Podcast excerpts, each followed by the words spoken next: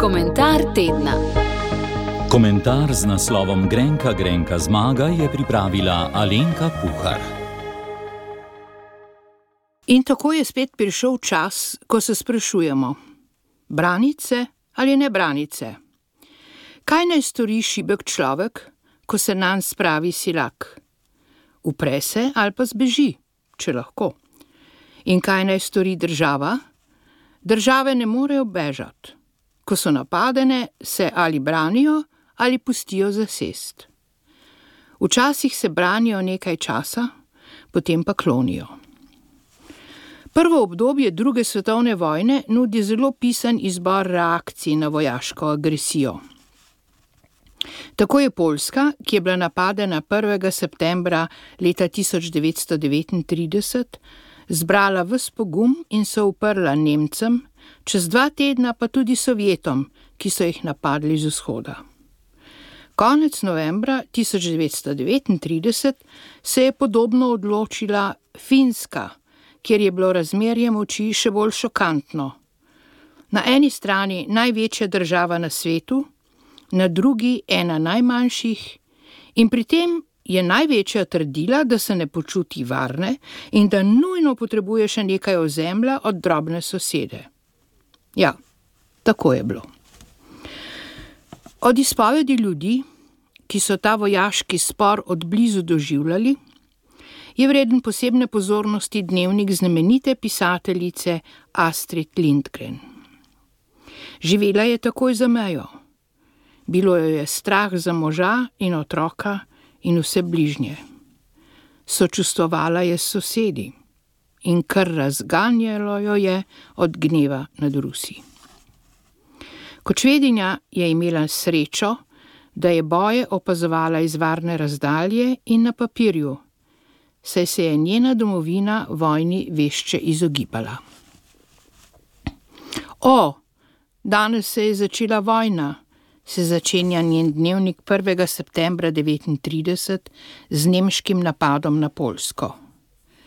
Pisateljico preplavi silovito sočutje do napadenih, obenem pa strah, da bo vojna zajela tudi Švedsko.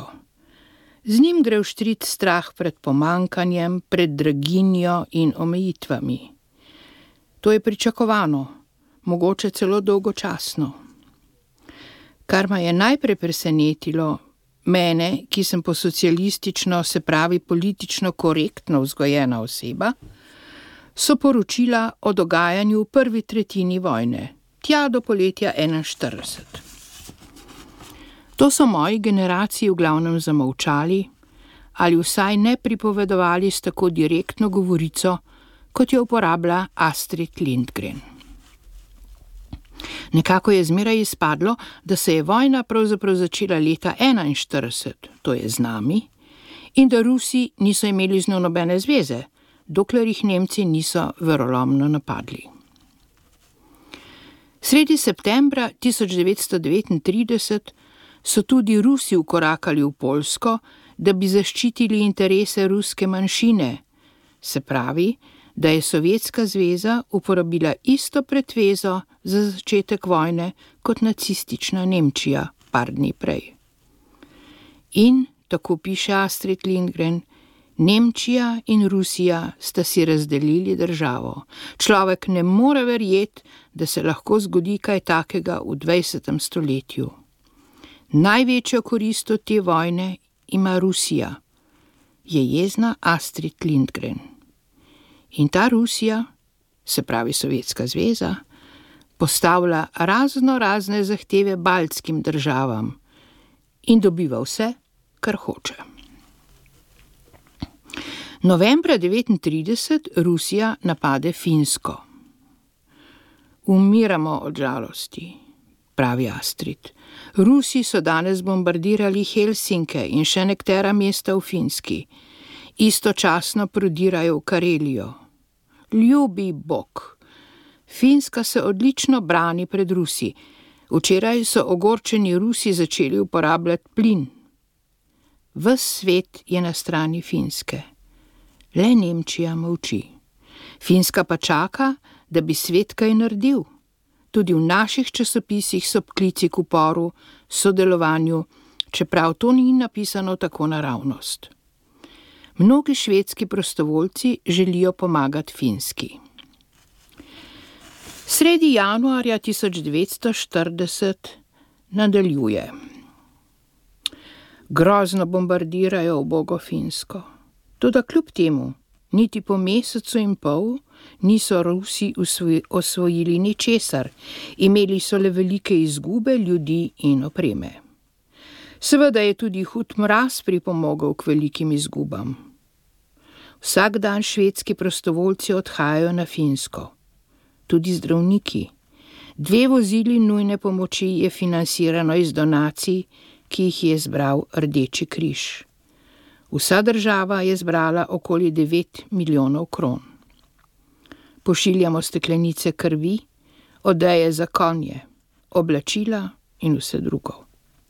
Pošiljamo šale in ščitnike za kolena in bogve, česa vse ne.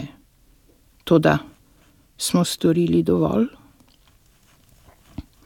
Sredi marca 1940 so Finci obupali. Rusom se pa tudi ni več dalo zgubljati življenj. Državi sta sklenili mir. Finska ga je zelo drago plačala, zgubila je Karelijo, kaznovana je bila tudi z visokimi reparacijami. Da, po noči je bil sklenjen mir, piše Astrid Lindgren. Vseeno se mi zdi, da danes nihče ni srečen. Najprej sem se razveselila a veselje me je hitro minilo. Grenak mir je to. Lepo, da ne ubijajo več žensk in otrok. Tudi to je vseeno grenka, grenka zmaga. Astrid Lindgren občuti tesno solidarnost sosedi, kar je razumljivo, pogosto govori o posebni povezanosti severnih držav. K njim ne prišteva samo klasičnih, to je norveške, švedske, finske, danske in Islandije, temveč po svoje tudi Estonijo, Latvijo in Litvo. Kar je šokantno, pa je oster antikomunizem in odkrito, globoko sovraštvo do Rusov. Najhujše je to, da si zdaj komaj upamo želeti Hitlerjev poraz ker so Rusi spet začeli napadati. Piše junija 1940 po kapitulaciji Francije.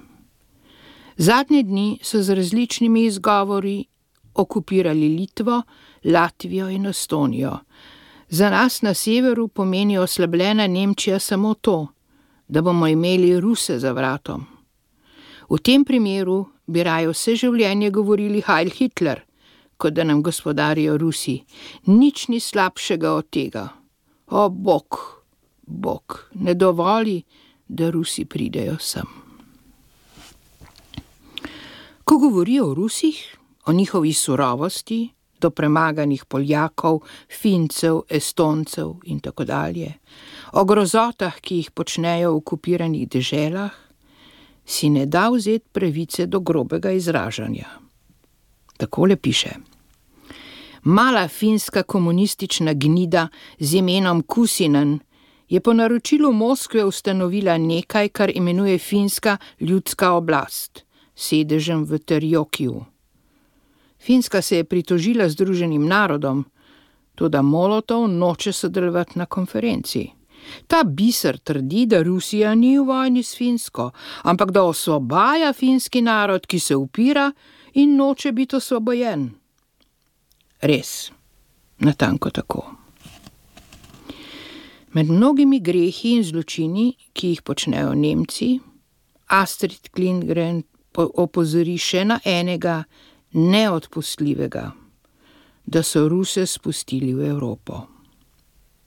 Tudi ko je konec vojne, zapiše: Bojim se Rusov in 25. novembra 1945, prav na dan izida Pike Nogavičke, njene najbolj znamenite knjige, posveči večino dnevniškega lista ruskemu izsiljevanju.